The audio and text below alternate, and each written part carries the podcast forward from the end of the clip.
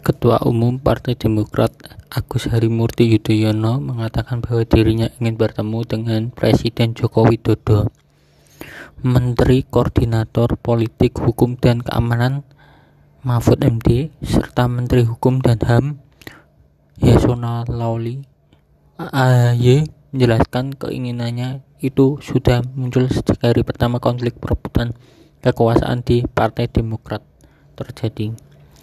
Sejak hari pertama saya memohon waktu sebetulnya dengan Pak, Pak Bapak Presiden, Menko Polhukam dan Menteri Hukum dan HAM dan dengan siapa pun yang saya anggap memiliki otoritas penuh terhadap penyelenggaraan hukum dan berkompeten menjaga stabilitas politik di Indonesia.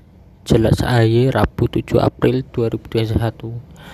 Menurut AHY, Pertemuan itu muncul merupakan silaturahmi yang ingin dilakukan untuk menceritakan kondisi Partai Demokrat.